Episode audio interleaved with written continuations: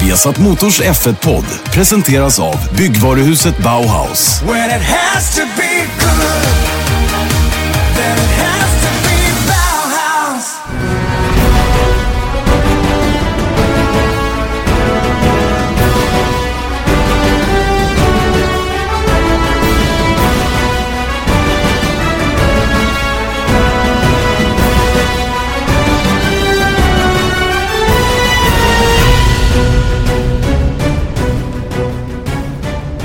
Jättevarmt välkomna till eh, Viasat Motors Formel 1-podd. Janne Blomqvist, Erik Stenborg. Ett nytt avsnitt. Ett avsnitt som eh, kommer att handla en hel del om Japans Grand Prix, givetvis det senaste. Och vi ska väl också börja blicka framåt lite grann mot vad som komma skall. Då. Fyra race återstår och VM-fighten fick en rejäl törn senast här när eh, ett tändstift verkar ha strulat till det för Ferrari. Erik Stenborg, hur mycket gick luften ur dig och mästerskapet när det här hände senast? Jag såg detta och jag blev nästan, nästan deprimerad. Alltså ärligt deprimerad. Posttraumatisk stress. Ja, men det blev lite så här så att jag, jag gick runt och, så här bara och tjurade liksom. Mm, mm, I, i, eh, för att jag, dessutom så kan jag konstatera att min mattekunskaper på tidigt på morgonen är inte toppen. Inte mina heller. Nej, du sa fel i tv och det, det uppmärksammade jag dig på att du hade sagt fel i tv, att det var 79 poäng eller någonting sånt 69 sa jag istället Sex, för 59. 59, men jag kom fram till att det var 59. Men Ja. sen kom jag på att Hamilton behöver bara typ ta två poäng eller någonting. Ett, ett, ja, två poäng i, i USA för att vinna VM, men det är ju helt åt fanders också. Men, Mm. och, så att när jag förstod att det var lite längre ifrån att han skulle säkra USA, då blev jag lite gladare. Du blir, du blir mindre ledsen i alla fall. Ja. Nej men det är, väl, det är väl bara att konstatera att det var hemskt tråkigt att det blev som det blev. För att jag känner inte så mycket sympatier för Ferrari och Sebastian Vettel på det sättet. Jag tycker mest synd om mig själv och alla oss andra som sitter och kollar på tvn att vi blir blåsta på konfetti. Man hade velat fått att eh, för det första så- så blir jag så jäkla tjurig på att Ferrari sumpade allting i Singapore. För det var det som startade någonting tror jag som stressat fram en massa grejer. Sen deras egen kvalitetskontroll som har varit lite svajiga på slutet. Och vi, vi hade ju kunnat haft en sån magisk fight ända in till mållinjen som vi nu blir totalt blåsta på. För att eh, 59 poäng eh, med 100 kvar att köra om ni förstår själva. Eh, Lewis Hamilton kommer ganska snart att ha den där luckan som krävs för att kunna säkra VM och, och förmodligen då innan finalracet. Han har ju till och med råd att nolla två gånger nu och ändå leda VM med 9 poäng. Så stor är ledningen just nu då som Hamilton har skaffat sig. Så att, eh, det, ska, det ska oerhört mycket till för att de ska peta bort honom från tronen där. Men, men icke desto mindre så tycker jag att det var eh, sjukt tråkigt. Och, och man kan ju undra det här senaste debaclet då, tänds, hur fan kan det hända egentligen? Mm. Nej, alltså det, det, det är ju många som har frågat det också. Det är många som frågade hur kan en slang till en turbo inte fungera också? Det som hände i Malaysia då. Ehm, och det finns väl inget bra svar förutom att det som Marchione har sagt att det är kvalitetskontrollsarbetet. Sen så är ju tändstiften är ju inte något som Ferrari tillverkar själva utan de får levererade från NGK som du eh, uppmärksammade mig på. Just det, Eh, det ju- har jag fått reda på av andra att de är, NGK är dessutom från Nagoya. Och Nagoya är ju närmsta tät, riktiga tätort då vid Suzuka så det vart ju lite extra ironiskt då att det var just det då som fallerade. Om det nu var själva tändstiftet som sådant eller om det var någonting annat som, som pajade då. Men det var ju det det ryktades om på griden innan start och vilket jag blev uppmärksammad på väldigt snabbt. Att någonting var galet runt Sebastian Vettels motor och just runt tändstiftet. Och när det då efter några enstaka varv bara stod klart att han inte hade full, full effekt så, så insåg man att det var ett större problem än, än vad de kunde lösa innan start. Och man kan ju undra då, eller många undrar varför man inte bara bytte tändstift. Men det är rätt mycket grejer om jag har förstått det hela rätt som måste bort för att du ska kunna göra det här bytet så att säga då. Det är inte som på Volvo när man rycker hatten bara och sätter dit en sån här hylsnyckel och sen är det klart. Mm. Jag har nämligen bytt tändstift för första gången i mitt liv själv Jaså? På min Peugeot 205 GTI. Du- det var ganska lätt. Ja, du är lite ung än du så har inte varit med på den tiden när man servade bilen själv. Nej, exakt. Så att, eh, men så är det inte en Formel 1-bil. Och sen så vet vi inte heller. Vi vet att eh, Ferrari har ju då bekräftat att det var ett felande tändstift som gjorde problemet. Men vi vet ju inte om, alltså ett tändstick, liksom, det kan ju explodera. I, Ja. Kanske inte vara bort det liksom ur blocket eller vad det nu kan tänkas vara. Snedgänga. Så det, py- exakt, så det, det, kanske var det. det pyste lite. Vet du, det, det, jag, nu har jag, jag har en story med ett tändstift, för jag hade en sån här el, eller vet, bensindriven radiostyrd bil när jag var kanske 12 eller Med något. glödstift i. med glödstift. Just. Men problemet var att min kompis Martin, han skruvade i den snett. Mm. Så att, och det var ju så mjuk metall så det satt helt snett och då fick jag inte på den där äh, tänd, du vet den Hatten. där äh, Hatten. hatten Ja, som man skulle få för att starta den. Så den var ju värdelös. Bra. Jag är fortfarande besviken faktiskt. Ja, jag kan tänka, jag hoppas inte Du ni hör ju det. Jag hoppas inte ni är kompisar längre. Vet du, vi är inte det. Nej, jag förstår ju det. Du är långsint och man ska passa sig för att göra en oförrätt mot Erik, för då är man rökt. Då åker man av listan direkt bara. Boom. Exakt. Och- One strike you're out. One striker out, ja precis. Och eh, det, det blir ju, det finns inte så mycket att tillägga om det här jäkla tändstiftet egentligen. Va? Det, är ju, det är ju bara tråkigt att Ferraris VM-kamp på något sätt bara pyste. Pyste ur. Det pyste ur med två så här skitfel. Men vi, Mm. det var, jag menar, Hamilton hade ju också en, det här lagret, eller bearing, bearing, bearing, vad kallas det? Mm. Det var ett Fästet. lager i alla fall. Det var ett lager som skar eh, under Malaysias Grand Prix förra året och det kostade väl 50 spänn. Något Mm. sånt där. Det var inte dyrare än så.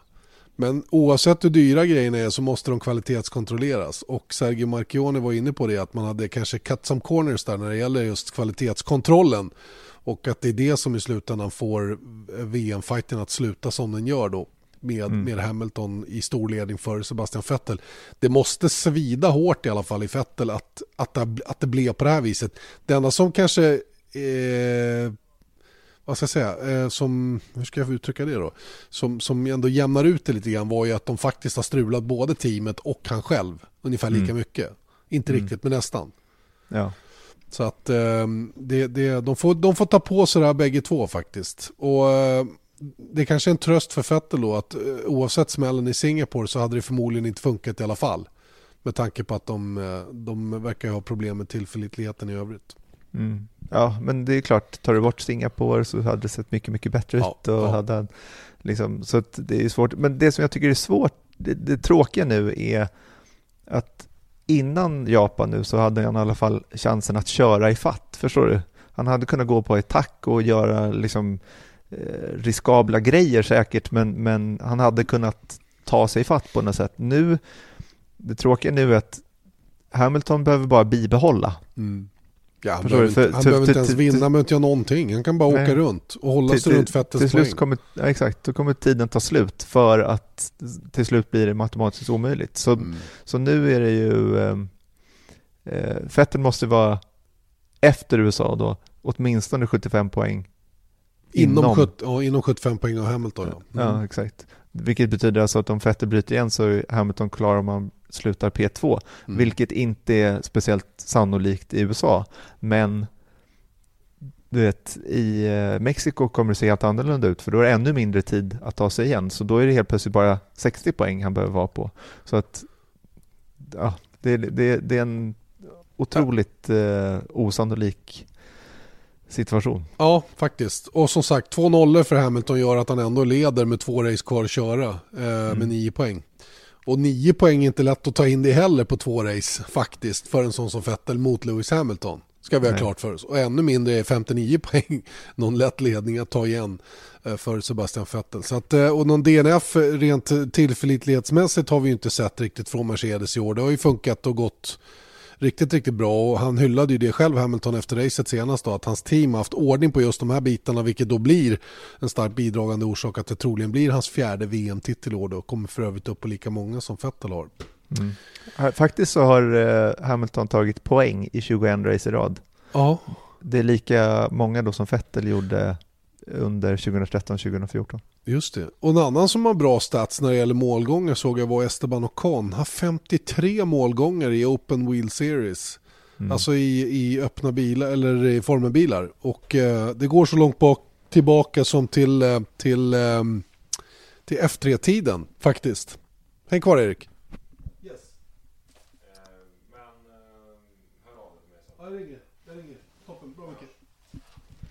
Polskötaren. Ja, Så så måste, måste man ha. Ja men det måste man ha Strup. Så att det blir ordning. Eller den där jävla poolen vill jag egentligen slänga för den funkar aldrig. Men oavsett det så är det bra att ha en duktig reparatör. Det har jag.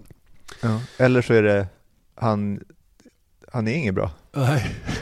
jo men det är han faktiskt. Ja. Okej, men det är bra. Eh, eh, vad var jag så? Vad pratade jag om? Ocon, men nu Ocon. pratar vi VM här va? Just det, just det. det vi kan konstatera är också att Hamilton har tagit 86 poäng de senaste fyra racen och Vettel bara 27. Just det. Och sen Ungern har alltså Vettel tappat VM-ledning på 14 poäng och ligger under med 59 nu. Mm. Det går Vilket snabbt.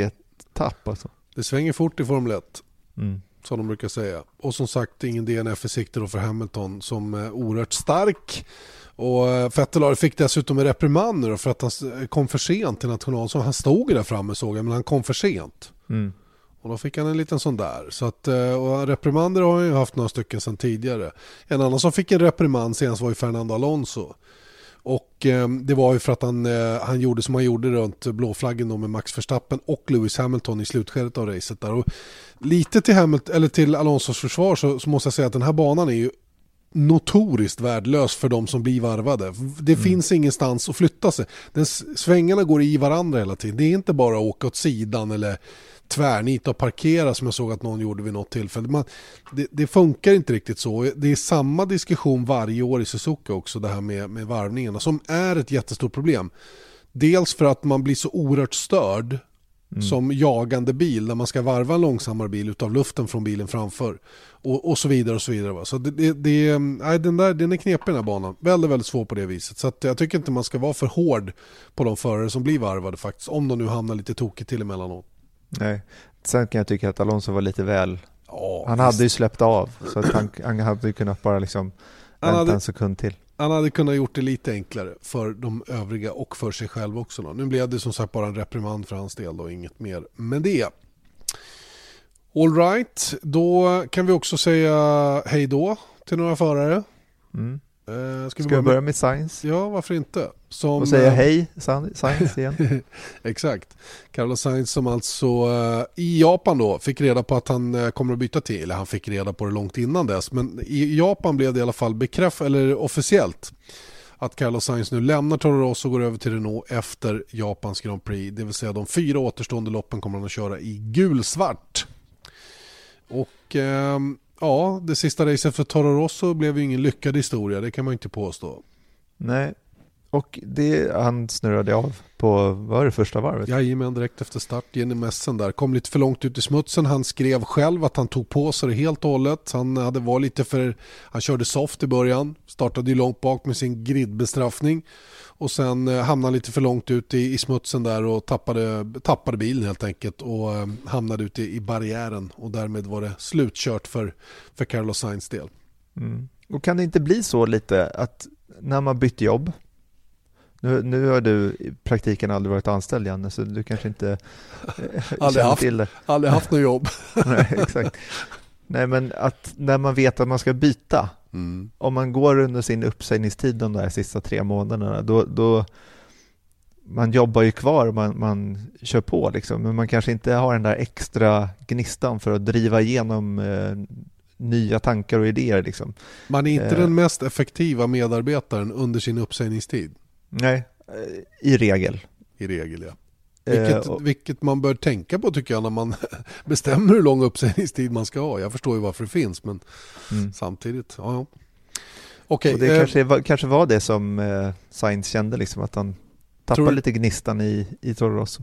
jag undrar det. Jag, jag tror att eh, han, eh, han, kanske en kombination, men jag tror det han framförallt ville göra var ju att försöka, eh, han ville ju försöka, vad ska jag säga, han, han, han ville försöka göra någonting bra av dåliga förutsättningar och tog i Mm. lite för mycket i början. Sen hade han nog kanske ingenting emot att, att det blev som det blev. Eh, så tillvida att han, han hade ändå flyttat fokus till ett nytt team. Och vi hörde i intervjun efteråt hur han sa det också att det var känslomässigt att lämna Toro Rosso. Tråkigt att det blev som det blev, men på den positiva sidan så har han väldigt, väldigt mycket jobb framför sig nu de kommande två veckorna. Han, ha, han hade liksom inget, eh, ja, det blev inget hål, tomrum efter den här avåkningen som han gjorde. Nej. Nej, men det, det är ju så, man har en ganska stor grej. Tänk dig det han har framför sig också, att mitten under säsongen så ska han lära sig en helt ny bil, ett helt nytt team med nya processer. Jag menar, alla team gör saker och ting annorlunda. Och jag menar, tänk dig på de nycklarna som Hylkenberg sitter på i den där bilen som han har kört hela säsongen. Och de sista fyra racen ska han liksom försöka låsa upp det där direkt. Eh, och Hylkenberg kan jag bara tänka mig skulle inte vara, är antagligen inte liksom den mest hjälpsamma i Du, det avseendet. Jag ska inte säga vad jag tror och tycker om Nico Hülkenberg. Nej, För det Du- passar du- sig inte. För det sa du förra veckan. Ja, och Du det, behöver inte säga det det, det har inte blivit mindre den här veckan så eh, jag lämnar det därhen. Mm. Nej, jag, jag, får, jag kan inte påstå att jag tror att han är den hjälpsamma typen om jag säger så. Samtidigt så att jag funderar lite grann på hur länge, eh, för jag är helt övertygad om att Sainz har varit i Enstone redan Mm. på- ett eller annat sätt och eh, träffar dem. Sen om man har suttit i bilen och gjort seatfit och sådana grejer, det har de ju hyfsat med tid. Men det är inte så himla mycket tid mellan Japan och Austin för grejerna går ju direkt. Mm. Så att eh, ska du göra ett säte och hela den biten då måste du till Enstone innan och jag tror att han har varit där innan Japans Grand Prix om jag ska vara ärlig. Kanske gjorde den i Japan, rent av.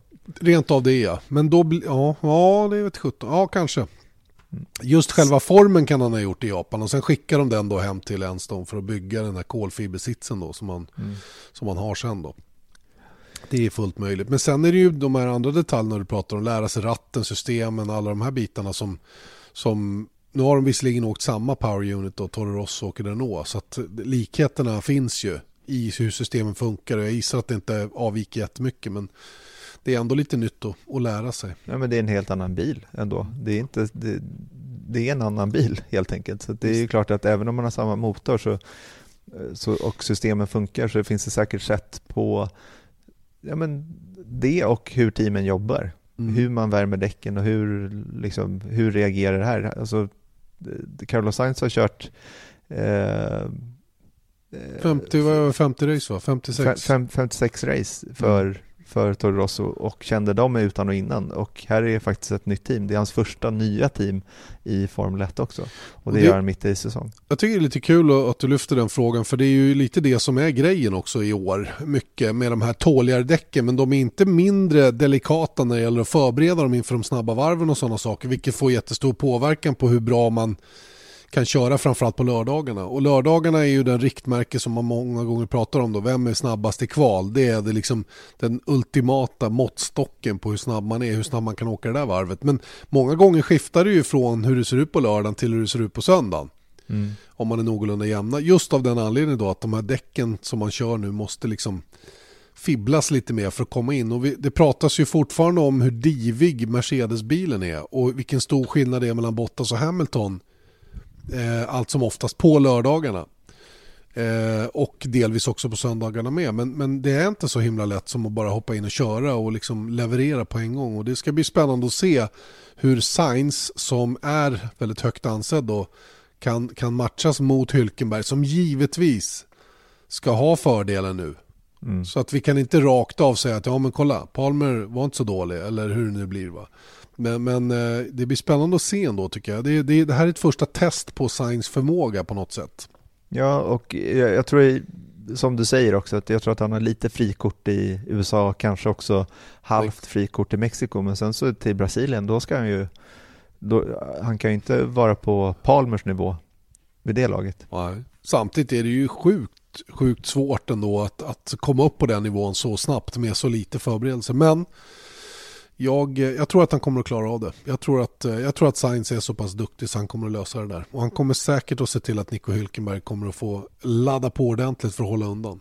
Mm, och det där är ju det som man har saknat lite i Renault, att Hylkenberg har seglat iväg och det har ingenting med hans personlighet att göra utan det är alltid kul att se intrateam-fighter. Tänk Perez och Con, det, det spicar ju upp också. Och det har vi inte riktigt haft i, i Renault, men nu kanske vi får det. Ja, eventuellt så kan det bli så. Och det är ju två förare som ingen kommer att vika ner sig tror jag. I, i, I ett sånt läge. Ungefär som den vi har i Perez och Con i Force India. Nu var det lite intressant att teamet satte ner foten ganska tydligt sist här när de kom efter varandra på banan. Det var ingen diskussion. Ho- Hold position var klart besked till, till Sergio Perez när han frågade om han fick tillåtelse att, att attackera. Och han klagade över att Ocon körde för långsamt. Och sån här klassisk psykning eller så här, men, vad heter det? Eh, psykologisk krigföring. Mm. För Ocon höll minsann undan och såg till att eh, lämna Perez bakom sig. Så kommer Perez alltid att hävda att ja men vadå, jag, vad, vad skulle jag göra? Jag fick inte köra om så jag backade av lite. Ja, exakt. Men du, vi har faktiskt en, en person som har kommit in nyligen och det är Pierre Gasly. Just det. Jag tycker han har varit godkänd men inte riktigt tagit värde med storm. Eh, nej, och då är vi ju inne på just det vi pratar om då. Nu är kanske skillnaden mellan Sainz till Renault och, och Gasly in i Formel 1 Mm. eh, lite större. Så det går inte att, men det är inte bara att hoppa in liksom, utan det, det kräver lite invändning och alla de där bitarna. Gasly är precis som du säger, va? godkänd. Liksom har inte gjort bort sig, men har inte, det har inte sprattlat till om honom så att säga. Va? Och ehm, det, det är fullt förståeligt, tycker jag. Mm. Det är fullt Ja, förståeligt. absolut. Och jag tror inte det är så himla många som kommer från en annan kategori mitt under en säsong som kliver in i en mittfältsbil och går in och liksom visar hur, hur, hur, var skåpet ska stå på en gång. Liksom. Nej, Nej det, det, det är inte det. Vi har haft några stycken sådana. Det är Giovinazzi i Australien, Kina. Och sen så hade vi ju Di Resta i Ungern också. Och eh, ingen av dem har ju liksom Nej, levererat omedelbart. Det, verkligen det inte. går, går liksom inte att göra det. det och, och, och det kanske är tack vare mycket av de här nya bilarna. Att det var ju lite kritik på föregående år att man kunde hoppa in och vara liksom en tiondel ifrån kanske. Mm. Där är vi Men, inte eh, längre. Det är inte lika lätt. Nej, och för 20 år sedan då, fick man ju, då testade man ju i två veckor innan man ju skulle göra ett sånt här inhopp. Och hade gjort det liksom tusen kilometer innan man hoppade in och skulle börja tävla och då var det lite skillnad. Men så är det som sagt inte nu för tiden. Möjligen får man lite simulatorkörning då för att köra in sig på systemen och göra provstart och allt det där. Alla de procedurerna som man behöver kunna då när man kommer.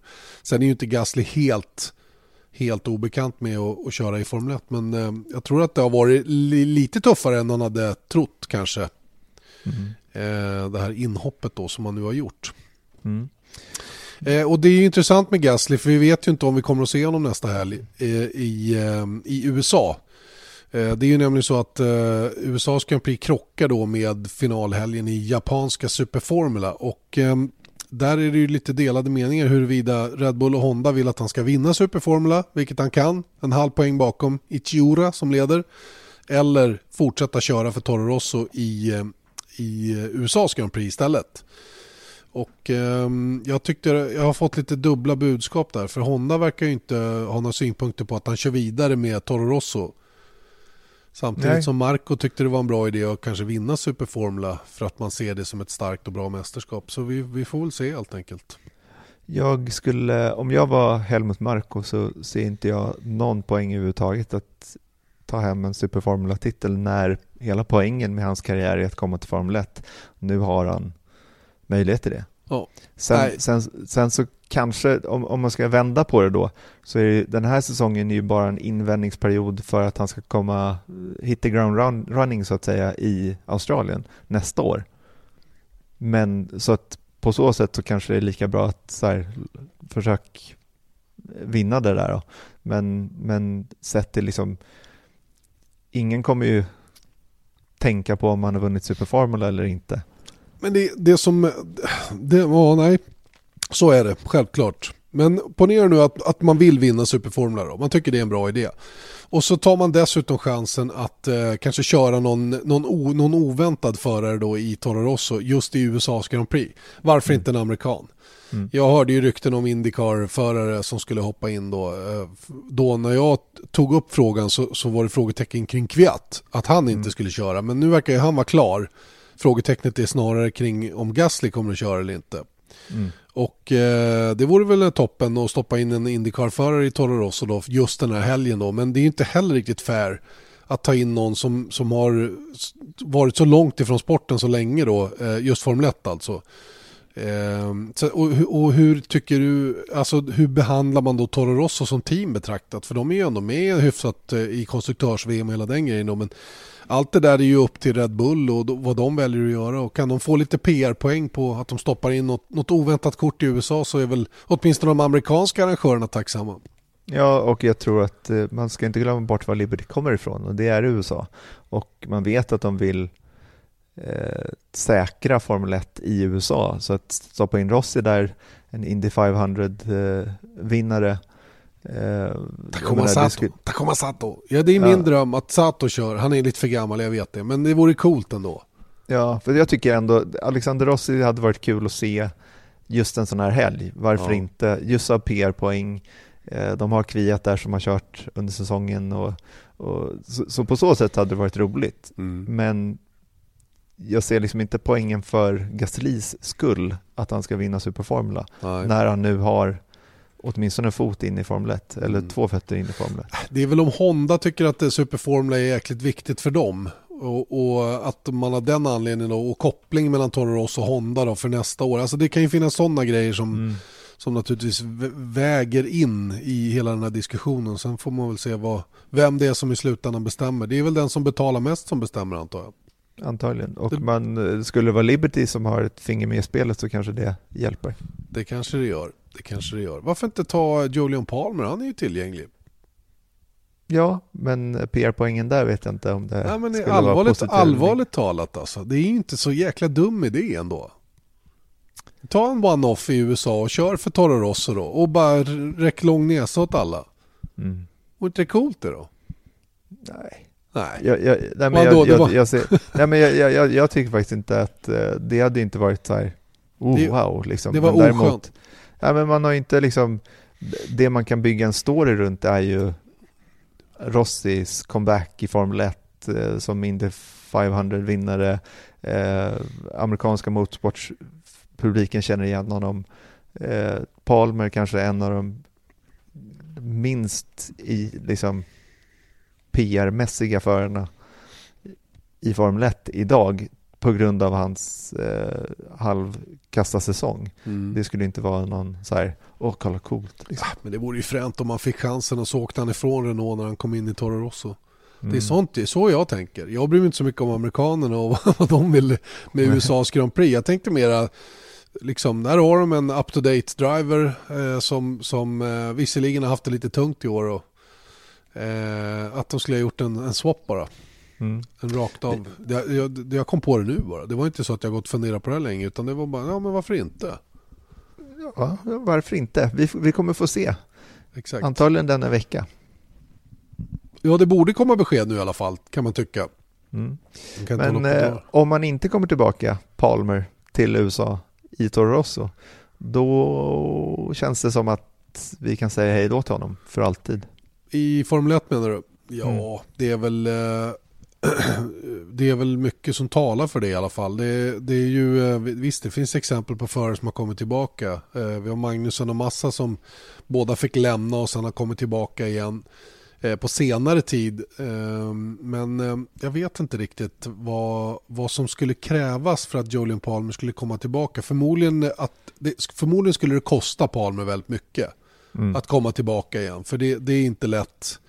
Eh, att, eh, eller han kommer inte att bli erbjuden någon annan form av kontrakt utan det är om man kan liksom, möjliggöra en större summa pengar för ett team så skulle han ju säkerligen kunna bli aktuell. Men eh, Men det så... är problemet är ju till nästa år. Alltså det är i så Ja. fall, det är Williams då Ja. som man skulle köra. ja, eller Sauber såklart. Mm, mm, Men, men eh, där tror jag att eh, det ser tufft ut att komma in i Sauber mm. och det är ännu tuffare att komma in i Williams, tror jag, i hans position.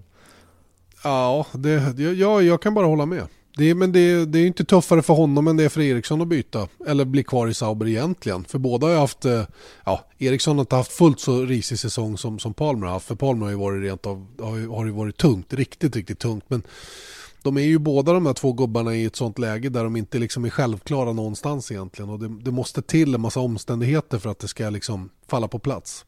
Skillnaden med eh, Eriksson är att han inte fått sparken av Sauber. Nej, nej, exakt. Det är ju det som är grejen. Och Och, det är ju- det är att det handlar om att hålla sig kvar i Sauber då, vilket jag tror att han har fortfarande goda möjligheter att, att göra. Eh, men eh, alltså jag tror att tröskeln är högre för, för Palmer att byta team, Ja. för, för då kanske det handlar om att då ska han ersätta Eriksson i Sauber, Ja. Och det- snarare än att eh, Eriksson ska hålla sig kvar. Just det. Nej men det är ju det där som är tricket och många, många, alltså att klamra sig kvar i Formel 1 det är av yttersta vikt. För Mm. ramlar man ut så är det otroligt svårt att komma tillbaka in igen. Och det Mm. kan vara oavsett eh, förutsättningar eller bil vad man kör. Det är, nog, det är bättre att vara i Formel 1 än utanför. Jag vet att resonemanget gick ju likadant när, när Marcus körde i Caterham som var så sinnessjukt långsamma i förhållande till alla andra. Och alla undrade "Vad, men varför, vad är poängen? Ja men det är ju alltid bättre att vara i Formel 1 än att inte vara i Formel 1. Det är Men sen otro- hoppade han av. Ja, han hoppade av ja, men var, då förmodligen hoppade han av när han visste att det fanns möjlighet att göra någonting annat. Mm. Du förstår vad jag menar. Och samtidigt var ju det teamet var ju ett sjunkande skepp rent allmänt. Va? Men jag, jag kommer alltid att hävda det att det, det är alltid bättre att vara i Formel 1 än att vara utanför Formel 1 om ambitionen är att köra i Formel 1. Mm. Oavsett om man sitter och åker runt i en väldigt, väldigt dålig bil. Så är det ju eh, så. Är det ju så eh, sen, sen kan det inte hålla på för evigt så, såklart. Men, men ehm, ja, Nej, det, är ju därför vi har sett alla de här X-raceförarna som sen blir tredjeförare. För att de försöker, ja, Paul Di Resta till exempel då som är ett Sebastian aktuellt namn. Buemi, Ja. Jean-Erik Verne. Mm, mm. Ja visst, Gutierrez. Och, Gutierrez eh, var ju kvar och kom ju sedermera tillbaka också. Han är ju också ett namn då som fick, kom, fick en ny chans då så att säga. Eh, och, och, och det, är ju, det är ju där man måste vara i Formel 1-depån så att säga. Annars, annars så blir det väldigt, väldigt svårt att komma tillbaka. Mm. Så är det. Oh, Ska vi all röra right. oss in på den här äh, Marcus Eriksson då? Den här svensken vi har i Formel 1 ja, som eh, tycker jag gjorde ett bra helg i Japan rent generellt. Det var bra fart på honom genom träningen, det var bra fart på genom kvalet och sen eh, var det bra fart också inledningsvis i racet. Då. Nu blev det inte mer än åtta varv, tyvärr. Innan han eh, tog i lite för hårt på en bana som han enligt egen utsago då tycker väldigt mycket om men också vet hur, eh, hur den straffar om man gör små misstag och det var precis vad Marcus gjorde där mellan kurva 7-8 eller om det är 8-9, 7-8 tror jag. Eh, Degner 1, utgången där kom lite för långt ut och klarade inte att styra in i Degner 2 och så pang in i däcken där och så var det slut. Mm. Och eh, jag, jag var faktiskt lite kritisk till eh, hela grejen för att eh, Marcus har nu under en längre period sagt i alla intervjuer att jag ska slå min teamkamrat. Det är min ambition. Det är min målsättning. Vi kan inte spöa några andra. Det är Verline jag ska vara före. I två av tre race nu på slutet så har han kört av i en betryggande ledning före Pascal Wehrlein för att han försöker racea andra. Mm. Eh, Inte, inte kanske för att han försöker racea andra i Singapore men han tog i lite för hårt, onödigt hårt med tanke på den marginal han hade ner till Wehrlein. Och nu var han ju lite pressad av Alonso här senast och då framkallade det det här misstaget då som blev egentligen hans enda men väldigt ödesdigert den här helgen. Mm. Och jag kan tycka det är, det är lite synd att göra de här grejerna i det här läget av säsongen. Eh, för det, det kommer ju en skitstorm. Han får ju bajskorvarna rakt i fläkten och de studsar som kanonkulor på honom. Från de som tycker om att kritisera honom såklart. För de får vatten på kvarnen och så öser man på med all dynga man har. Vilket är onödigt att utsätta sig för när man i det här fallet tycker jag eh, ganska lätt hade kunnat hålla Värland bakom sig och bara liksom tagit en stabil näst sista plats. Du fattar vad jag menar? Mm. Nej, men jag, det finns ingenting att säga om det. Sen, sen så eh, att han skulle hålla sig kvar på banan menar jag. Men sen så, jag menar, om man väljer att se det på ett annat sätt så kan man ju se det som att han visar lite fighting spirit. Att okej, nu hamnade han i ett läge där han kunde fightas mot ett annat team. I varje fall under en kortare period. Och ska man visa vad man går för så kanske det är, ger extra bonuspoäng. Alltså utdelningen kanske är större i form av det, att han slog inte bara Verline utan han slog en McLaren, eller vad det nu kan tänkas vara. Sen håller jag med ditt resonemang också, men man kan ju på något sätt se hur han tänkte, om det var så han tänkte. Visst, och man kan aldrig klandra racerförare för att de försöker. Det är klart att de ska försöka och de ska åka så fort de bara kan hela tiden. Va? Men vad jag är ut efter, ute efter lite grann, det är lite smartness. Gör en liten, gör en, en, en, en bredare bedömning av läget och tänk efter. Mm. Liksom, man, man kan ju redan innan racet ha en plan på att ja, men så här ska jag göra. Jag ska försöka vara först iväg och sen ja, du vet, hålla honom bakom mig på, ja, med hjälp av bra taktik eller bra fart eller vad det nu är. Sen är det ju så att när man väl kommer i race-situation eh, då, då krigar man ju på så gott man kan. Och det är just de lägena man, man, eh, man testas hur pass med i matchen man är rent racecraftmässigt. Vi har ju hyllat en, vissa förare för väldigt stark förmåga att racea och, och tar sina fighter vid rätt tillfälle så att säga va? och får bra betalt för sina beslut. Och här kan jag tycka att det blev väldigt dåligt betalt för det beslutet som Marcus tog då. Mm. Sen, sen, kan han inte åka runt och släppa förbi bilar bara för att hålla sig kvar på banan. Inte frågan om det. Men han skulle i alla fall ha kört lite med lite större marginaler kan jag tycka. Ja, både ja, i Singapore och, och, i Japan. Ja, och jag menar det, det är ju där, där, som man inte kan hävda någonting annat. För att liksom köra av, då har man kört för fort och då har man liksom... Och, och det då, finns... Då, ja, förlåt. Ja, men det är då, då liksom man... Ja, to finish first, first you have to finish. Mm. Jag menar, nu var inte det läge, men, men det är ju en grundtes i alla fall att, att slå sin teamkamrat som Marcus vill, då måste man ta sig mål. Tveklöst är det på det viset. Och sen finns det en annan faktor som, som, som man måste tänka på. Att göra den här typen av misstag som både det i Singapore och nu i Japan tar på det egna självförtroendet. Och jag tror att Marcus måste köra på sin absoluta förmåga för att slå Wehrlein. Så mm. pass bra är Pascal. Och för, ska Marcus vara före honom, vilket är ambitionen och vilket jag tror att han är, han är snabbare än Pascal Wehrlein. Det tror jag att han är. Eh, så om de nu åkte med exakt lika förutsättningar hela tiden. Ja då, då, är, då måste han ha bra självförtroende, han måste våga utmana. Han får inte gå över den lilla gränsen för det kommer att så massa osäkerhet inför, inför de racen som är kvar och då, då riskerar man att bli som det blev i Malaysia, det vill säga en halv sekund långsammare per varv. Mm. Av olika anledningar. Och så tappar man en halv minut för man är sist iväg man har kanske kontakt med Wehrlein länge för man är ungefär lika snabb. Men så fort att det börjar bli varvningar, ja då går snöret och sen är det helt plötsligt en halv minut och så blir man sågad med, med fogsvansen efteråt. Och det är också sådana grejer som man behöver tänka på tror jag, att, att liksom hålla självförtroendet eh, uppe. Mm. Och jag menar, det är det är den här grejen också att han hade, det var ingen succé i Singapore, det var ett skithelg i Malaysia och i Japan så hade det kunnat vända på det. Så jag menar, i och med att det var tredje dåliga resultatet i rad, det är det som öppnar upp för lite extra kritik. Mm. Hade han liksom, och, och, det är det där jag pratar med, som du nämnde, smartness, att hade han tagit sig mål här och slagit Wehrlein, då hade det sett annorlunda ut inför USA till exempel. Mm. Eller hur? Då hade han kommit till USA med en helt annan, en helt annan mental state, alltså en annan press på sig själv. Mm. Som gör att man naturligtvis också kan prestera bättre. Och det, det är de här grejerna som som man behöver sortera ut lite grann internt i Ericsson-läget tror jag. Hur man ska hantera de här bitarna för att kunna maximera det som är kvar nu. De här fyra racen som är kvar så ska han ju helst vara framför nu. Punkt mm. slut bara. Och göra bara det. Strunt i allt annat. Se till bara att lös det. Så kommer, så kommer det liksom att lugna ner sig och då får han lite mindre... För varje gång han slår Värland desto mindre press får han på sig själv. Mm. Och slipper då den här antagonistmaffian som älskar att kasta skit på Marcus Eriksson. Mm. För sådana finns det och det är med all rätt. De får göra det. det är, jag bryr mig inte om det. Var och en får tycka vad de vill. Det är bara onödigt att mata dem liksom. Mm. Men en grej som jag skulle vilja klargöra, något som kommer fram de senaste veckorna, är att det blev, han, det, var, det var någon fråga runt vad det är som skiljer på, på Wehrlein och Eriksson i en artikel från utlandet vilket då har blivit lite eh, felciterat så som jag förstår det efter jag har hört mig för med Sauber och du, även du. Och det är det här runt vikten mellan Ericsson och Wehrlein att eh, Ericsson väger mer och därav har han en nackdel gentemot eh, Wehrlein.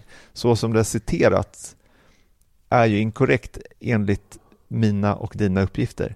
Är att för där hävdas det då att Sauberbilen är på minimivikten och att skillnaden mellan, det är 10 kilos skillnad ungefär mellan Ericsson och Wehrlein, är att det, skillnaden ligger i ballasten. Att eh, på Wehrleins bil, eftersom man väger mindre, så kan de placera ballasten bättre och det skulle göra skillnaden.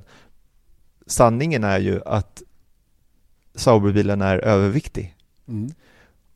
Så att den är ungefär 15 kilo för tung, alltså över minimivikten, vilket gör att den är överviktig på Wehrleins bil också, men ännu mer på, på Ericssons bil. Ja, den, den extra kroppsvikten Marcus har, den har han ju de facto med sig när han kör i förhållande till Pascal Wehrlein. Eh, och då, då är det många som säger, ja men den där vikten Marcus har, den, funkar, den är ju lika oavsett vad han kör. Men så är det ju inte. För att den, jag skulle gissa att en Ferrari då väger, om, om minimivikten inklusive förare ligger på 728 kilo, så, så väger kanske Ferrarin 700, inte vet jag, säg att den väger med förare då 700 720. Ingen aning. Nej men vi aning. säger 720 då, Ja. med förare. Och med Vettel i. Och så väger den 723 med Kimi Räikkönen i. Mm. De resterande kilorna upp till 728 måste man vikta upp dem med den här ballasten som du nämner. I, i, I Saubers fall så väger bilen då som du sa f- 15 kilo för mycket. Eh, vilket betyder då att den eh, med förare i blir tung för båda förarna men där den ena bilen blir tyngre än den andra. Så är det ju. För det är ingenting som kompenserar mellan dem för man har redan passerat minimivikten. Och det här är ju viktigt att förstå då varför, varför det är på det här viset. Sen är det ju det här hur mycket det kostar i varvtid och såna här grejer. Det är ju en teoretisk framräknad siffra. Men man brukar säga mellan tummen och pekfingret på en, en genomsnittsbana, typ Barcelona, så är det 3-4 tiondelar. Så är det. Och det är av olika anledningar. Man sliter däck hårdare också. Det finns massor med saker. Man, man, eh, det är en nackdel helt enkelt att väga mer än konkurrenterna. Mm. Och det är av den anledningen som varför vi hade det här lift and coast problemet tidigare var ju att man såg ju, man undertankade bilarna hellre för att man tjänar mer tid på att de är lättare än att kunna köra full power ett helt race. Exakt, exakt så. För man hade ändå inte däck som klarade full power. Då var det Nej. bättre att köra långsamt, det vill säga lift and coast med mindre bränsle ombord. För det blev en effektivare racetid av detta så småningom. Så där har man ju en ganska stor grej, så när Ericsson slår Wehrlein så är det ju eh, Ja, det är bra gjort. Stor, det, det är bra gjort, Mm. men och eh, jag menar, sen syns ju inte det på i protokollet ändå. Det, det har ingenting med eh, någonting annat att göra, men man ska ta det i alla fall med sig att det finns ett inbyggt handikapp där. Mm. Och det här är någonting som, vad jag förstår, har utvecklats under säsongen, att de låg bättre viktmässigt i början av säsongen, men ju mer update som har kommit, desto mer har eh, bilen börjat väga. Ja, vi ska inte ge oss in på några exakta kilon här hur mycket det är varken åt ena eller andra hållet. Men bilen var ungefär på minimivikten när säsongen startade helt korrekt. Sen har det då kommit på Ride Control som väger en 3-4 kilo och det har kommit på nya vingdelar. Och ju mer man håller på med de här uppdateringarna ju tyngre blir ju självklart bilen. Och förr eller senare så hamnar man då så långt över minimivikten att, att det verkligen börjar kännas och straffa sig varvtidsmässigt. Kom ihåg att nästa år ska vi hänga på en Halo på bilen. Den väger 15 kilo, eller om det är 12 kilo. 12 kilo tror jag det var. Och de kompenserar upp minimivikten med 5. Mm. Vilket innebär att eh, det är bra att vara backhoppare även nästkommande säsong.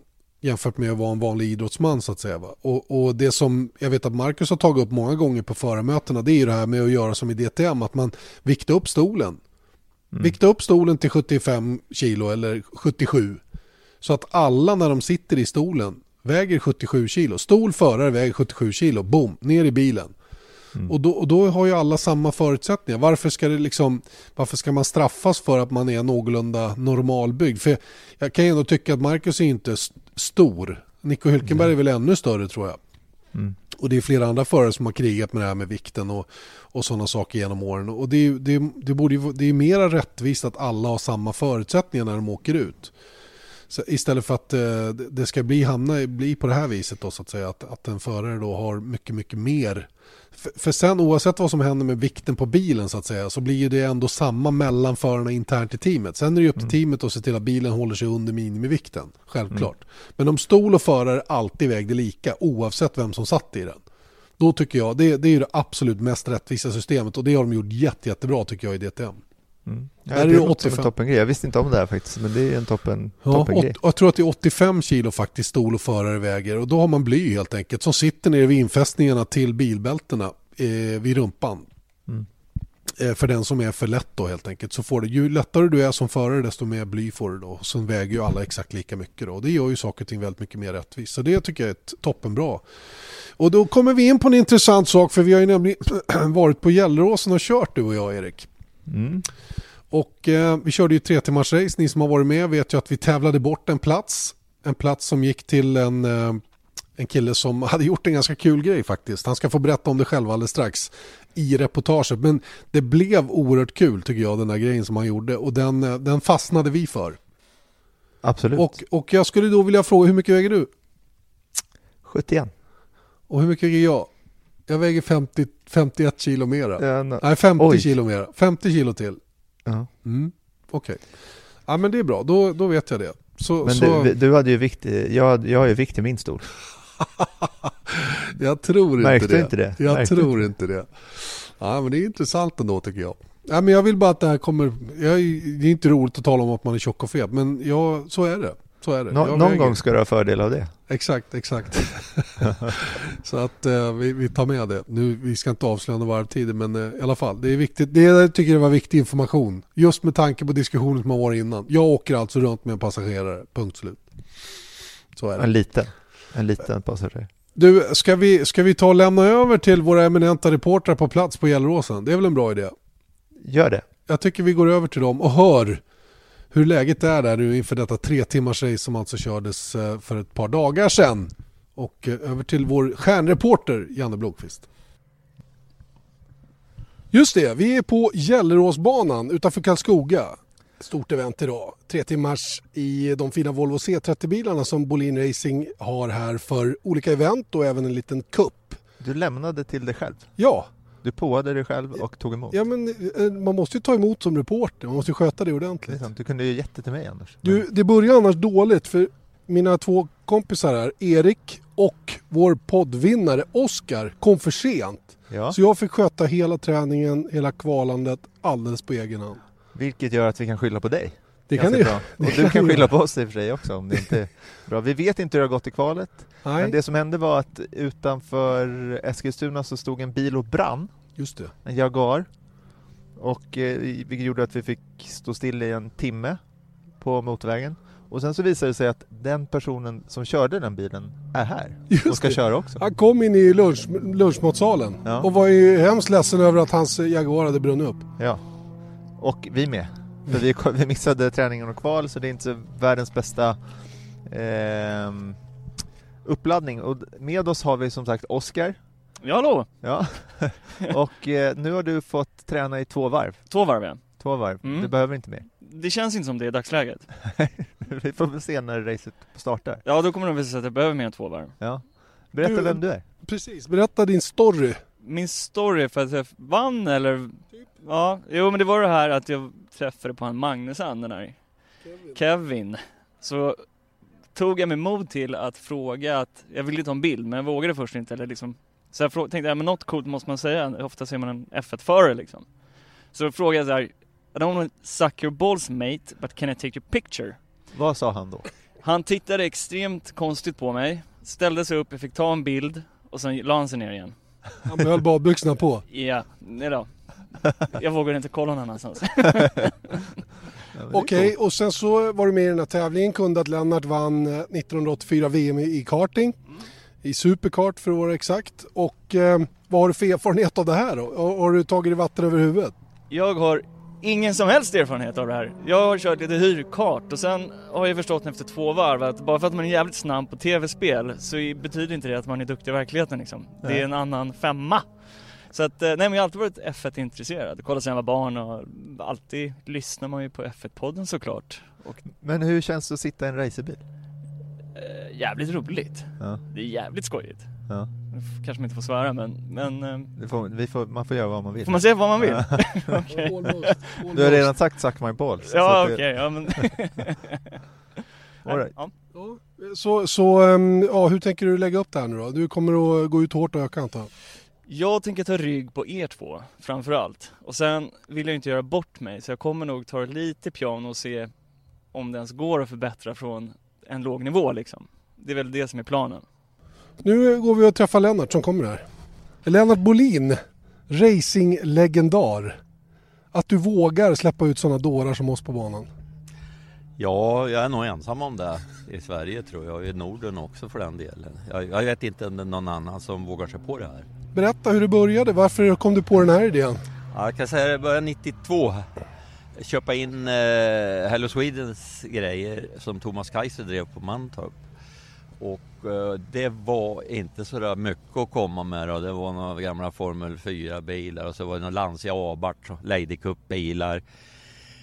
Och det, det var ju kanske fyra sådana så jag fick åka runt Sverige sen och köpa upp alla som stod i skrothögarna bakom lagorn. Och du ska veta det, jag fick ihop en 11-12 stycken och det var mycket jobb att få i ordning dem och det var inget mindre jobb sen när man skulle köra tre timmars med den kunna ha klart för det. Man behövde ha en driva stå i reserv. När man... det, det, det var ingen lek jag veta. När vi kom hit första gången visste vi inte ens vad vi skulle köra för koncept. Okej, det var back in 92. Sen har det ju hänt lite grann. Ja. Och nu har du ju ett fantastiskt koncept som är oslagbart enligt mitt sätt att se på det. Ja, tack för det. 25 år har det tagit då att komma dit så man känner att det är ganska stabilt. Mm. För det är det verkligen. Ja. Vad är det du har nu då? Eh, Volvo C30 och eh, det är ett, sam- ett samarbete då med, med Volvo personvagnar som vi började med 2007. Tio år sedan. Ja, det är tio år sedan. Mm. Så nu har de gått 3 500 mil på full gas. Och då får man omvandla det i, när man åker till shoppingen eller vad man gör så, 30 000. så den säkert går 30-40 tusen. Mm. Ah, fantastiska. Och du, och du vet ju att de här bilarna är extremt jämna. Du provkör dem allihop. Vet att de, eh, ja, vad kan det diffa? 2-3 10 Max? Eh, jag brukar själv provköra dem varje vår och de ska ligga inom den marginal, inom en halv sekund ska de ligga i alla fall. Vad gör de inte det då är det något fel, då kommer de till verkstaden och, och fixar till det. Va? Så att, eh, det, det, det, det, det, det är nog att de ligger jävligt lika. Va? Ford-motor på 160-170 Ja, hästar. 160. Ölinsdämpning så att Ja. de går bra på vägen. Vi kör Ja. vanliga standarddäck. Fyrväxlad låda, du har tagit bort 5 och 6. Ja. Och eh, tycker jag fantastiskt bra. Du har liksom, det är gott om utrymme för en stor luft som mig. Alla kan liksom få plats att köra också vilket är en annan fördel med det här konceptet. Plus att alla, även om man har ringa erfarenhet eller lite mer, faktiskt klarar av att köra de här bilarna. ja, vi har en 14-åring med och kör idag. Ja, till exempel. Det är bara det att när han kommer förbi nere i Trösen då syns det inte att det finns någon som kör bilen. Nej, just det. Just det. Han är så liten så han ser knappt över ratten va, men eh, han kör jättebra. Ja, kul. Och eh, idag ska vi få göra eh, lite körning då med Team F1-podden. Vad tror du om våra chanser? Eh, stora tror jag här. Man inte och leker i sandlådan och sånt där va. Vi har haft tre stycken som har varit och lekt i sandlådan idag så de ligger ju risigt till att få jobba med posteringen där. Exakt. Han åker Det- av en gång till. Det är skampålen verkligen. Ja. Och få stå och vifta med flaggan ihop Ja. med Lennart. Då har man verkligen gjort bort sig. Vet du var vi startar? Nej jag har inte varit ner och tittat, det är grabbarnas Det hemlighet. är pole position. Är ni det? Ja, jag tror det. Eller? Nej, jag vet inte riktigt, jag vågar inte svara på det. Vi får åka ner får vi se vad, om det blir en överraskning. Bra idé. Vi åker ner och tittar.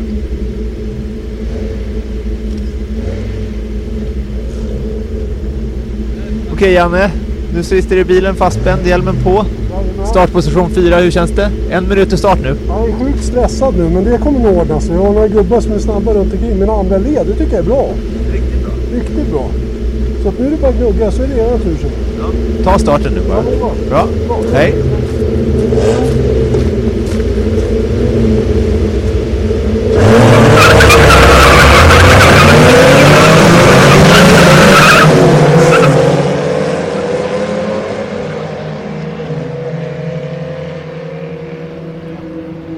Oskar, det är din tur nu. Det blinkar gult. Vi Jajamän, måste... jajamän. Nu måste jag på mig hjälmen här vet du, så att...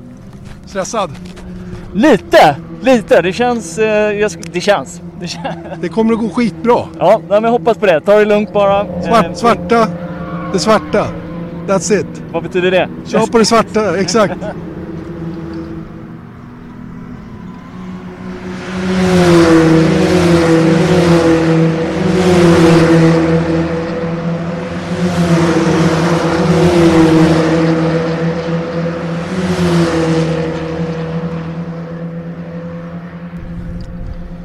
Här står vi Erik. Ja, två, känns det? två stinter var har vi kört. Ja. Janne Blomqvist är starkast i Ja, teamet. känns bra så här långt måste jag säga. Jag, eh, jag eh, hade en jätte, jättebra andra stint. Helt själv på banan. Kör, körde om en som kom ut ur depån precis i början och sen så drygade jag ut. Och det kändes bra. Då vet man att det går tillräckligt fort i alla fall. Sen körde jag inte ikapp någon för vi är så långt efter men generellt så tycker jag det funkar Fast bra. du körde ikapp någon, för det var, vi var ett varv bakom. Okej. Du var inte ett helt varv bakom, utan, men det var typ så här 1.20 bakom eller Ah, någonting. okej, okej. Och sen så blev det 53 sekunder. Ja Sen men det är bra, då har det varit bra pump ju. Ja, och sen så säga. kom jag om den personen och nu har vi tappat den i depåstoppet igen så nu ligger vi sjua. Sjua. sagt. Nej. Det är, varför ska man säga sånt? Ja, vi ligger etta. Vi började ju bra, vi låg ju tvåa faktiskt Låg- första stinten. Ja, Och sen eh, tog Erik över och sen var det lite oturligt några orangea grejer längs banan. men vet du vad? Först och främst så var vårt depåstopp dåligt. Ja det var Så det. vi kom ut som femma Ja det är från sant. tvåa. Det är sant. Det är inte bra. Nej. Och sen så då... Men då hade, vi ju stått... Då stod vi innan. Så att det kostade ju, det stoppet... Alltså femteplatsen berodde ju på... På stoppet ja. Jaha, Ja, på stoppet. mellan dig och mig? Ja, Ah, och sen okej. så var jag uppe på tredje plats. Då fattar jag. Och sen så när jag bytte, då visade det sig att jag hade kört på någon kon eller två. Och det är ju 30 sekunder per styck. Det visste, det var ingen, vi missade hela träningen där innan. Exakt. Det var ingen som hade berättat det som för. Erik. Jag tänkte så här, det är klart man inte ska köra på koner. Men det är väl inte hela världen, tänkte jag. Nej. De är gjorda i plast och allt. Ja, exakt. Problemet vet du, det är att de är inoljade så det syns väldigt tydligt på bilen när man har kört på dem. Mm. Så man kan liksom inte snacka bort det. Nej, det gick inte. Jag försökte. Och nu är Oskar ute. Oskar kämpar på. Det går väl kanske inte jättefort men han har roligt. Ja, men jag tycker liksom med tanke på att han... Man ska ju träna. Det gjorde inte han innan. Vi fick ett och ett halvt varv. Och sen så skulle vi racea och har man inte kört tidigare och så, det är kanske inte Inte optimalt. bästa... Det är lite som eh, Paul de Resta i Ungern. Ja, ja men lite så. Lite Ja. så. Så han ska hyllas med andra ord. Ja, jag tycker det. Ja. I varje fall av brittisk media. Jag köper det också. Jag hyllar Oskar alla dagar i veckan. Han gör ett jättebra jobb. Framförallt tror jag att han har kul. Oj, här kommer de bredvid varandra. Det är farliga grejer. Ja, ja men nu, eh, nu ska vi ta det här. Mål. Man vet aldrig vad som händer i toppen heller. Nej, det kan vara någon som kör i samfållan och något sånt där. Trasslar. Och Mm. det, det är nya däck idag. Därför så går det lite långsammare på banan också. Ja, okej. Till allas försvar. Ja, jag När vi sliter ner dem så kommer det gå fortare. Så sista timmen blir ju grym. Ja, det är bra. Ja. I varje fall för dig. Ja. Men jag var med om en cool grej också. Jag stressade en person av banan. Det var riktigt coolt. Jag låg precis bakom och sen så bara märkte jag att personen framför visste att jag var där och sen så körde han rakt av. Det var härligt. Upp i depåkurvan. Ja, det var härligt. Det var det bästa jag gjort på en racebana. Ja, det är gött Erik.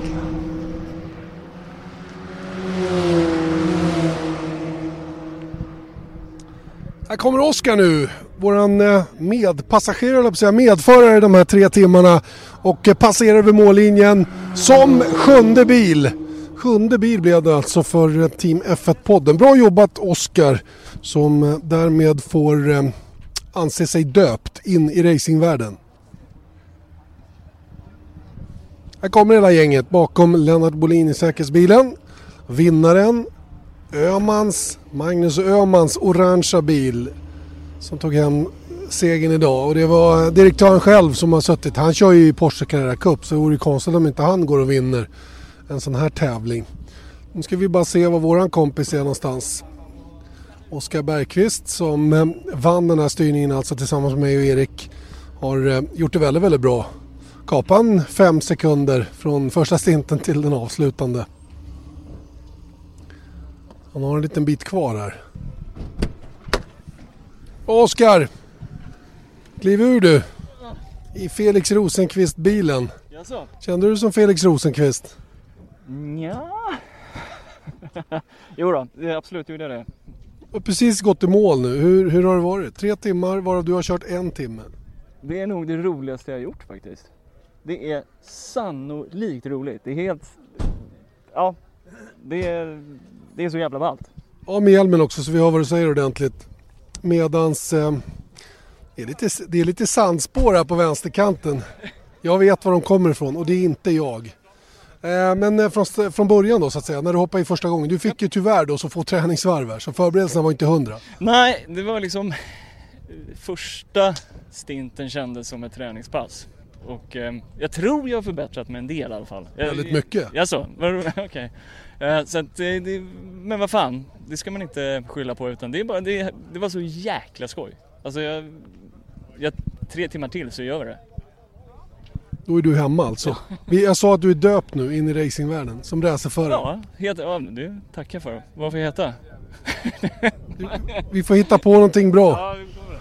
Vi, eh, vi har i alla fall haft kul alla tre och eh, lycka till nu då får vi se om du kommer tillbaka någon mer gång. Garanterat. Tack, tack för idag. Oskar Bergqvist där alltså som eh, fick ta bilen i mål, Erik, efter en stabil insats. Ärofyllt tycker jag Ja. att han fick göra det. Jag sa att han blev döpt in som racingförare. Vad ska vi kalla honom? Blixten? Mm. Nej. Det känns inte helt rätt när det gäller Oskar. Jag vet inte riktigt vad vi ska kalla honom. Jag tycker vi kan kalla honom för Ja, vi funderar ja, på det. någonting Vi, sånt. vi funderar på det. Vi funderar på det. Du, hur var det tycker du? Jag tycker att det här är, du kanske hörs att jag tycker det är kul, men det är roligt. Ja men det, det, alltså, det- känns konstigt nästan att, jag tror att jag säger det någon gång också, men att, att, man, får, att man får göra det här som eh, med B-körkort. Man kan Ja. bara liksom betala in pengarna och dyka upp och sen så får du köra racerbil på en bana, eh, får köra om, det är liksom inga så här eh, det är inte en track day liksom när man eh, inte får liksom ligga nära varandra och eh, det, det, det, är liksom, det är kontrollerat men det är ju Det är ju tävling det, kort det, och det, gott. känns, det känns som ett riktigt race Ja. och väldigt mycket körning.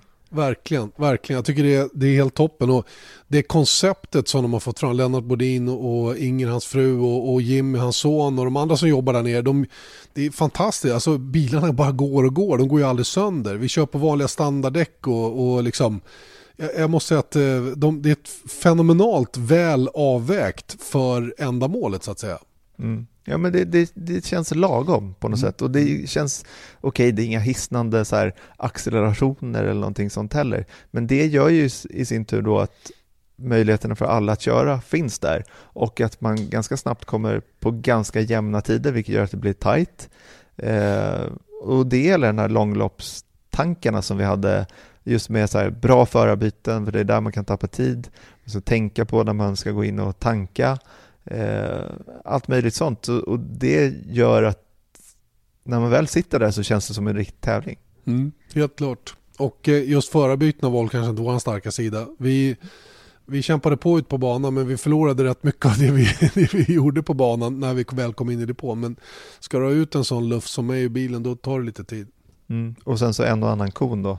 Ja, det också, men det är sånt som händer. Du, du, det är som Eriksson, du tog i lite, du vill ju liksom. Eller Mm. hur? Ja, men, det, men grejen var så här, jag förstår ju när, när, när konerna står där, det är klart att jag förstår att man inte ska köra på dem. Det är inte så här, det är inte liksom, eh, vad heter det, flipper. Men jag tänkte så här, jag kan ju, okej nu hamnade jag här, då vill jag inte hålla på att rätta till så att jag tappar fart på rakan, för jag trodde inte att det var en så himla stor grej. Men det var det. Mm. Så att det, om ni ska göra det här, var med på teorin. För du har varit med på teorin. Ja, Alla var måste vara med på sedan. Ja, men alla måste vara med på teorin, annars får man inte köra. Och grejen är att eh, konerna kostar alltså 30 sekunder i tidstillägg. Jag tror Mm. att vi fick eh, en minut eller 45 sekunder någonstans. De bjussade kanske på 15 där. Mm. Men, men eh, som jag säger i reportaget, de är ju inoljade de här konerna. Så Då, då, då, kör man på dem, då syns det på bilen. Det, Mm. det går inte att snacka bort. Jag körde till och med på en jättestor en som var på insidan i depåkurvan där. Och eh, det lossnade nästan grej på bilen. Så, så att eh, går det tillräckligt fort så kan det faktiskt bli skador också. Gjorde du det, på vårt race? Nej, inte, det var gången innan jag var där. Ja, okej. Men, men eh, eh, vad jag vill säga också är ju att jag tycker det är så bra, bra ordnat för alla förstår också vikten av att eh, vara försiktig mot varandra på banan. Det är dyrt att köra på varandra. Det kostar massor med pengar. Så det, det undviker alla. Och eh, det är alltid omkörande bil som har liksom ansvaret. Och det tycker jag också är oerhört viktigt att ha med sig. Så att man inte bara kastar sig huvudstupa in och tror att man är eh, Formel 1-förare i en sån här tävling där vi kör på PR-licenser. För det är ju Mm. faktiskt så att det är ju, du kan ju möta någon som aldrig har tävlat i hela sitt liv och inte har någon aning om vem, när man måste ge upp en kurva respektive när man har vunnit den. Va? Mm. Nej, man får köra med insidan, och, men ändå så fort och liksom sånt där. Och, jag vet inte, man, just att man får köra en timme också är, under Superbra. race då, är, är, det gör att man kommer in i det. Superbra, superbra. Ska vi avslöja några varvtider? eller? Det är många som frågar nämligen och de, det var någon som skrev eh, ja nu ska vi dit på torsdag, fort körde du, fort körde du. Fort körde du Erik? Jag körde på eh, en 24.2 kom jag ner på. Mm. Och eh, du, men jag hade ju vikt i stolen. Ex- Exakt. Jag råkade köpa en 24 n Så att jag, jag var jätteglad för det. Mm. Eh, och som sagt då, med, eh, Erik hade ju viktat upp sin stol till 120 kilo också då. Mm. För jag ville ändå att det skulle vara jämnt då. Att Och det var därför det tog så lång tid på på depåstoppen. För det var ju, du- vet, lyfta in 50 fantastiskt. kilo och skruva fast och allting sånt där. Det tar ju jättelång tid. Det känns helt fantastiskt att få använda sig av de där extra kilona. Det, är- det är kul tycker jag. Jag känner igen, jag känner att jag är som de riktiga gubbarna nu. Men jag leder tipset i alla fall. Det, det gör då, då glider vi in på det. Där Ja. Erik Stenborgs tips eh, inför Japans Grand Prix var alltså Hamilton i pole, Vettel vinnare och Verstappen snabbaste varv. Ja. Eh, Janne B hade tagit Hamilton i pole, Vettel som vinnare och Kimi Räikkönen snabbaste varv. Och vi körde ju typ i diket båda två efter kvalet för det var Hamilton som tog pole så där fick vi varsin poäng. Eh, Vettel eh, gick det som det gick för och Räikkönen nådde bara en eh, fjärde plats och Max Verstappen blev tvåa. Ingen utav dem gjorde snabbaste varv för det gjorde nämligen Valtteri Bottas. Korrekt. Ja. Så det blev 14-12 då. 13-11 blev 14-12. Vi tog varsin poäng och vi är ganska skrala på det här med tippningen men vi härdar ut säsongen ut. Sen får vi göra en utvärdering och huruvida vi ska hitta på något annat sätt att mäta våra kunskaper men på det här är vi inte speciellt bra i alla fall. Nej, det kan jag inte tycka. Och eh, ja, jag, jag tror vi ska hitta på någonting annat till Jag säsongen 2018. Där. Något roligare. Vi skulle Mm. kunna ha ett sånt där eh, sån här, um, tom eller hjul vet du. Snurrhjul exakt. bara. Ja, så får man se vad det blir. Eller ett ordentligt straff för den som, som Exakt. En, förlorar. gr- en grid penalty. Exakt, på något sätt. Eller liksom en, en, en smäll bara. Verkligen, verkligen. Mycket, mycket bra idé. Eh, känns som att vi därmed kan eh, avrunda veckans Formel 1-podd. Vi har satt Motors Formel 1-podd alltså där vi har pratat mycket Japans Grand Prix och det som hände där och hur luften gick ur mästerskapet. Vi har pratat om att eh, Carlos Sainz lämnar för att gå till Renault. Vi har pratat om att Palmer kanske lämnar Formel 1 för alltid. Och eh, vi har lämnat lite statistik också då kring eh, tätgubbarna. Och sen hade vi det här långa reportaget då ifrån Gelleråsen där vi var och körde tre timmars. Det blev en sjunde plats för oss i mål. Inte riktigt eh, där vi hade hoppats. Ingen pokal med hem till Eriks son Gusten som nu börjar tappa tilltron totalt till att Erik kan vinna även om han slog någon i någon tennismatch här vet jag. Mm. Så att, Mycket det är lite kämpigt för honom i det avseendet. Men så är det. Gusten gick och hämtade mjölk i ky- kylen då för att han ville skåla. Det tyckte jag var snyggt. Indy 500. Ja, exakt. Det har jag inte tänkt på. Nej, du ser. Du, eh, Formel 1-podden är tillbaka nästa vecka igen. Självklart, då ska vi börja snacka upp USAs Grand Prix. Det är ju nästa utmaning för förarna och vem kommer att köra då för Toro Rosso? Det kanske vi får reda på idag tisdag när vi spelar in den här. Det är inte med i den här podden i vilket fall, men vi får återkomma det på, på andra kanaler så att säga då, huruvida det är någon bekräftad för Toro Rosso då i USAs Grand Prix. Så länge säger vi tack och påtrörande Janne Blomqvist och Erik Stenborg. Vesat Motors F1-podd presenterades av byggvaruhuset Bauhaus.